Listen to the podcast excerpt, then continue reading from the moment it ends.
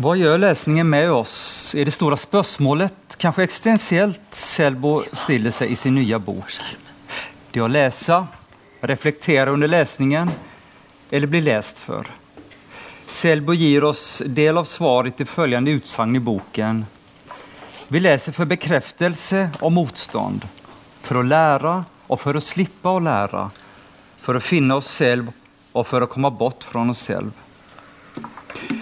Det er fine iakttagelser i boken om lesningens historie, der det opprinnelig var det samme som å lese høyt.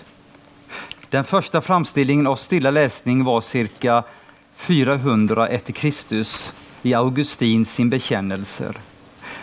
Om biskopen Ambrosius som sitter med en rull og leser helt stille, uten å åpne munnen. Orden blir som en åpenbaring, som en religiøs tekst som snakker til deg personlig. Men, på, men som Selbo også viser på, så kan teksten ha en terapeutisk rolle innenfor leseren. Gi personlig trøst, eller som i hennes helt personlige fall et dypere og bredere perspektiv på den smerte hun selv kommer å oppleve over å bli forlatt. Selv har jeg i vanskelige situasjoner tydd til både Bibelen og forskjellige poeter bladd opp et tilfeldig sted og lest.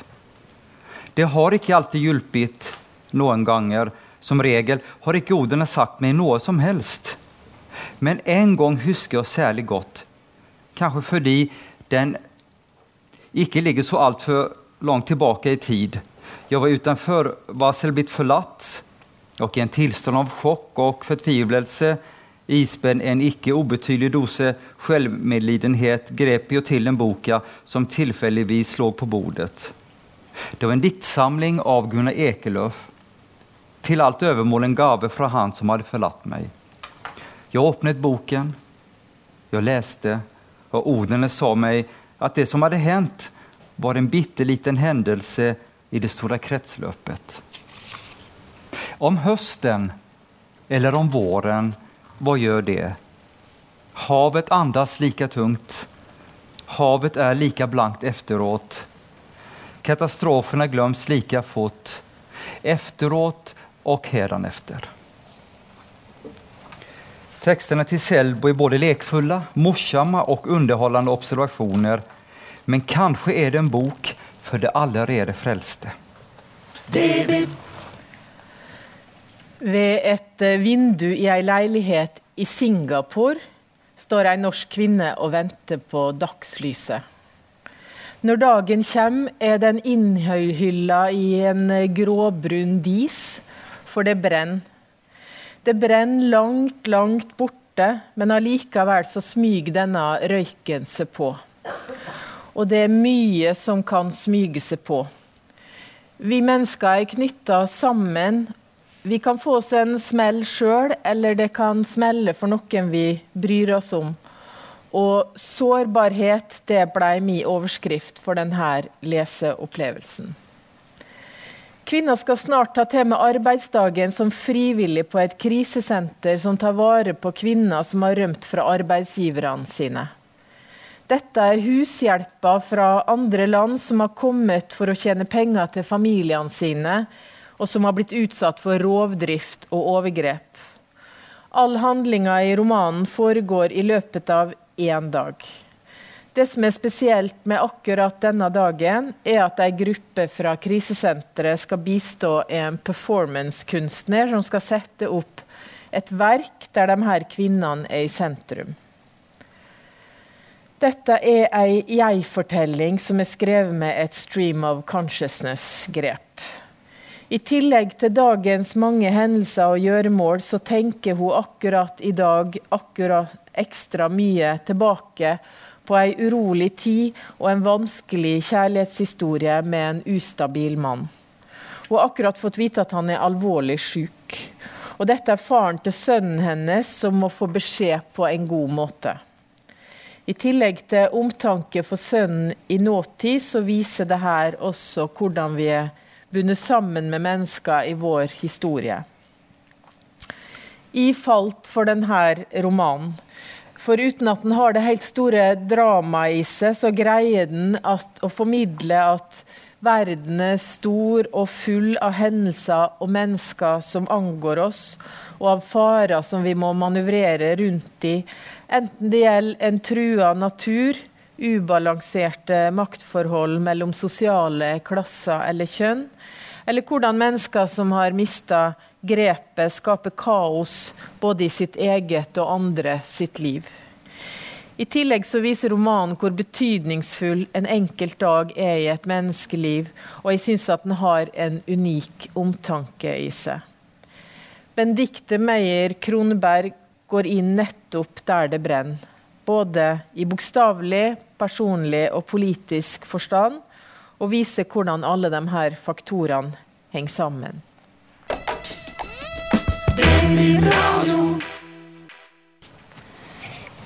Jaha, ja. For en tarvelig gjeng. Det Torda kom att på Bokgildet i år, eh, ser jeg. Spørs om det var noe lurt. For nå skal det helst handle litt om eh, poesi her oppe på scenen. Så om ingen her i salen har mer lyst til å være med meg ut for å slåss på plassen, så kommer jeg til å ta for meg den diktsamlinga her. 'Soloppgang i nord' heter hun. Og det er da poeten Siri Amalie Oftestad sin fjerde utgivning. 'Soloppgang i nord' er en tilgjengelig og flerstemt diktsamling som stunder opp stunder etter å bygge opp og gi røyst til en hel nasjon det grandiose og helt problemløse landet nord. En helt enestående nasjon, slik jeg eh, kan skjønne det. Med solnedganger så vakre at både geit og kyr, så vel som blomster og steiner, begynte å grine av han. Et land der til og med frukta på trea har egne leger. En nasjon som er helt fri for gule blad på trea, for boss i gatene, for uteliggere og rusavhengige og helt fri for uh, selvstendig tenking, så da slipper han til og med å stri med det. Landet nord er dessuten velsigna med en helt fabelaktig enehersker, herlig nok bare omtala som vår leder, eller den fantastiske. En raus og stor leder som er kjekkere enn uh, James Dean, og som alle innbyggerne ser opp til og beundrer. Og Det kommer til uttrykk på litt uh, forskjellig vis. Jeg skal ta et lite dikt for dere her. Det heter Den store uvitende. Den store uvitende. Når jeg sier til min kone at vår leder er stor, da kysser hun meg. Og hvis jeg vasker rammen og glasset av bildene til vår leder og hans formidable far, da pleier hun å ville ha sex med meg. Og hvis jeg sier etterpå at vår leder er størst, da kysser hun meg igjen, og vi ligger sammen igjen. Jeg er glad i vår leder. Han gjør livet mitt godt uten engang å vite det. Men ja, han oppdaga ganske raskt at det ikke er et ett-ett-forhold mellom røynd og skrift i disse dikta her. Den skarpeste av dere har kanskje sett allerede på framsida at det helst er Nord-Korea og deres noe maktkjære leder Kim Jong-un, som er malen for dette her universet som oftest Oftestad maner fram i denne boka. her. Og Det syns jeg er et ganske interessant roteringspunkt for ei diktsamling. Jeg syns forfatteren her har skrevet ei burlesk og uortodoks diktsamling. Jeg syns det er spennende hvordan hun har utforska det poetiske potensialet som ligger i alt det bisarre og absurde som foregår i et lukka og totalitært samfunn, styrt av en pyntesjuk og altoverskuggende leder. Jeg syns det er kjekt hvordan hun greier å fabulere fram bildesterke og underfundige dikt ut av all banaliteten som ligger i propagandaspråket, og hvordan hun greier å vrenge det og fylle mellomrommet mellom linjene med bitende sarkasme. Dette er ei sprudlende, særegen og galgenhumorsdiktsamling som først får en til å le, og deretter til å gulpe når han skjønner hva han egentlig har lest. Herlig. Jeg tar et siste dikt for dere. Og dette må dere gjerne tenke på i kveld når dere ligger og råter dere framfor Netflixen. Diktet heter 'Om å være til nytte'. Om å være til nytte. Å holde en knokkel i hånda, banke den mot bordet. Slik kan de døde være mer til nytte som døde, enn da de var levende. Slik alt burde være til nytte. Drammensbiblioteket bibliotek i DB-radio. Da katastrofen var over, viste Gud seg for menneskene. Eller gjorde han egentlig det? Dette var fra baksida av omslaget på romanen 'De opplyste' av Øystein Stene. Vi har et uttrykk som heter at det kommer an på øyet som ser. Hva om øyet ser et sterkt, sterkt lys på himmelen som etterfølges av fullt kaos, ødeleggelse og død? Hva er det da øyet har sett? Har det sett Gud som sender ei klar melding til menneskeheten? Eller har det sett et naturvitenskapelig fenomen med fatale konsekvenser? I denne romanen så er det dette øyet har sett. Og I ettertid så kjemper de menneskene som er igjen, både med å overleve, og de kjemper for sin sannhet om hva som egentlig skjedde.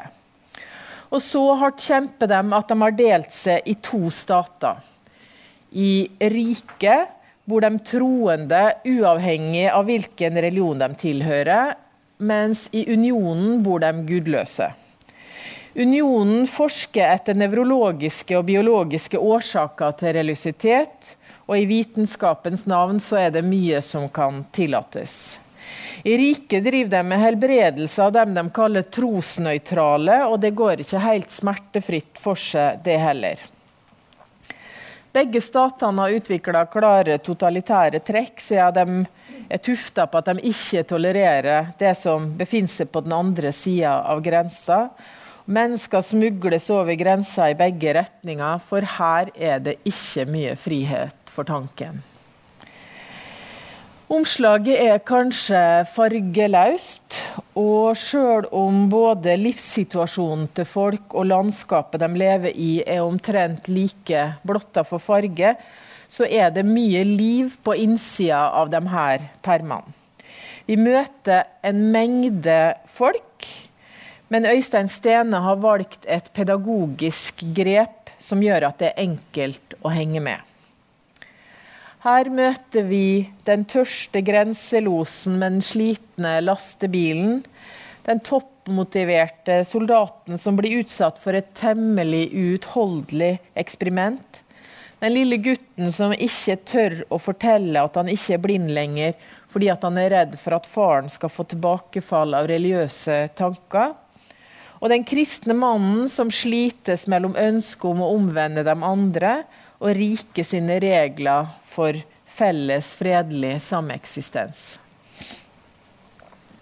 Jeg syns at Øystein Stene briljerer både språklig og fortellerteknisk. Og romanen er en samla enhet, samtidig som han har gitt hver karakter sitt eget språk og sitt eget liv. Og kanskje er det her vi finner motivasjonen til forfatteren. At alle mennesker er forskjellige, og at det skal ikke så mye til før et system, enten det er religiøst eller sekulært, blir for trangt.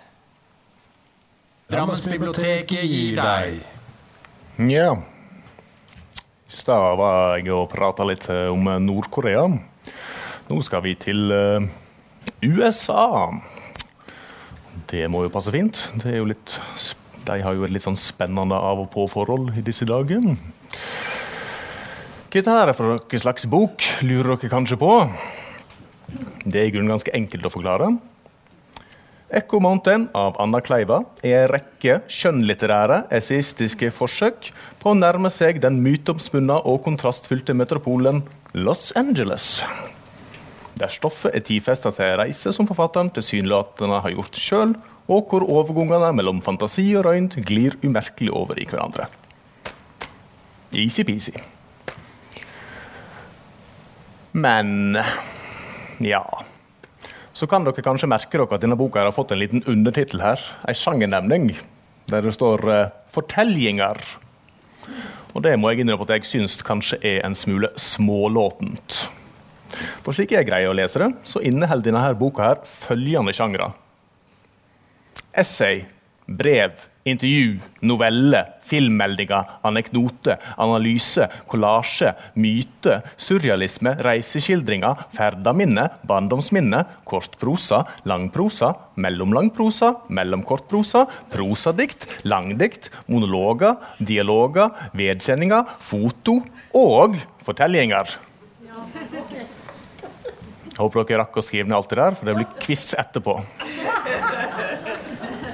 Alt i alt er dette en av de herligste sjangerbastardene jeg las i 2018. Og det er kanskje greiest å gjøre det sånn, altså å nærme seg LA på så mange måter som man kan. For en såpass brokete, rastløs og evigbrennende og balstyrig by som Los Angeles lar seg kanskje ikke skildre gjennom én sjanger alene. Fortellinga om LA er ingen logisk fortelling, og forfatteren tar seg sjøl veldig ofte og blir overveldet over alt floket som møter henne i byen. Jeg skal lese opp litt for dere igjen. Jeg har alltid likt det ulevelige her. Sola er så sterk at skuggene blir brådjupe. Sola skinner så ofte at hun ikke lenger kan være bilete på lys, men må romme det uhyggelige også. Destruksjonen. Jeg blir trukket til LA av samme grunn som jeg blir trukket til Solkongen til Versailles, til pudra parykker, pervert kongelig overklasse. Jeg blir trukket mot det glorete og overdådige, det som er på grensa til eller over vulgært. Men ikke det eksplisitt vulgære. Jeg liker det som tror seg danna, men som i realiteten er perverst. Jeg får vann i munnen av kokosboller, men jeg liker ikke å ete kokosboller. Dette her er ei fyldig og tilsetningsstoffrik delfiakake av ei bok. En neonfarga og ustelt odyssé gjennom en by som både lokker og gjør en vettskremt. En monstrøs by som konstant er i rørsle, og som har mange flere sider enn den Hollywood-røynda som man kanskje tar seg sjøl i å forbinde med byen. Avslutningsvis får han lyst til å besøke LA etter han har lest denne boka her. Nja Han får kanskje litt mer lyst til å besøke Los Angeles enn han får lyst til å bo i Nord-Korea av å lese Oftestads bok, men bare så vidt. For min del så tenker jeg at dette er en by som gjør seg best å observere og bli overveldet av på trygg avstand. Og til denne sorten studium så høver denne boka særs godt. Drammensbiblioteket gir deg Inga Sætre er tegneserieskaperen som ga oss Møkkajentene litt utpå 2000-tallet. Og nå har de blitt voksne. Eller har de nå egentlig det? Eh, de har i hvert fall blitt noen år eldre, blitt eh, mødre, og står i den daglige skvisen som er så gjenkjennbar for så mange. men i de situasjonene som Inga Setre skildrer i 'Det finnes en død etter livet', har de fått eh, barnefri og debattere viktige problemstillinger. Som f.eks. om en må ha lest en forfatter for å få lov til å hate han. Og om alle de folka en er nødt til å forholde seg til når en har barn. I barnehagen, på foreldremøtene og på lekeplassen. For som det blir sagt her, det er som å gå på ungdomsskolen på nytt uten å ha lov til å være emo. Det er altså noen reale ilandsproblem de debatterer. Men så bor jo både dem og leserne i et iland, og det er så gjenkjennelig mye av det at en av og til lurer på om Inga Setre har skrudd av topplokket på i hvert fall denne leseren og titta nedi for noen år siden, kanskje. Det er grunnleggende morsomt, pinlig avslørende og innimellom ganske tankevekkende. Og Beina til nesten alt som er oppe til debatt, det er identitet. Hvem er jeg? Hvem vil jeg være? Hvem vil jeg at verden skal se meg som? Dette her er jentene sine som kan nyansenes kunst, men ofte så er nyansene så små at det bare er dem sjøl som ser dem. For det ligger et visst alvor under det hele. Inga Sætre skildrer jenter som på mange måter oppfører seg som om de er på toppen av verden og ser ned. Ikke så mye fordi at de faktisk tenker at de er der, som at de føler at de må være der for å holde mål. Og hun greier å vise de håpløst strenge kravene vi stiller til oss sjøl. Gjerne krav som er så komplekse at de inneholder elementer som slår hverandre i hjel. For noen år siden var det en reklame som viste ei kvinne som sa «Jeg lever i tiden og forventer effektivitet». Men nå holder ikke det lenger. Nå skal du være mindful i tillegg. Jeg tror vi skal lese her. Det er litt vanskelig å se bakerst. Jeg har kjøpt et program som stenger av internett i perioder. Du har betalt for å miste tilgang på noe du har betalt for å ha. Jepp. For å være mer mindful. Ikke for å være mer effektiv. Jo, det òg. Kan det egentlig kombineres? Det bør det. Som medisin mot alt det her indre og ytre maset som mange av oss ilandsmennesker opplever, så kan jeg anbefale Inga Setres bok. Sett deg ned, ta deg pause. Fordøy den sammen med en eh, kopp grønn te eller en rød cola. Det kan du bestemme sjøl. Drammensbiblioteket gir deg bøker, blader, filmer og aviser. Bilder, data, spill, musikk og nett. Buldring, lesing, leking og læring. Utstilling, turnering og kultur. Foredrag, kurs, seminar, debatter. Konserter, teater og lek. Drammensbiblioteket gir deg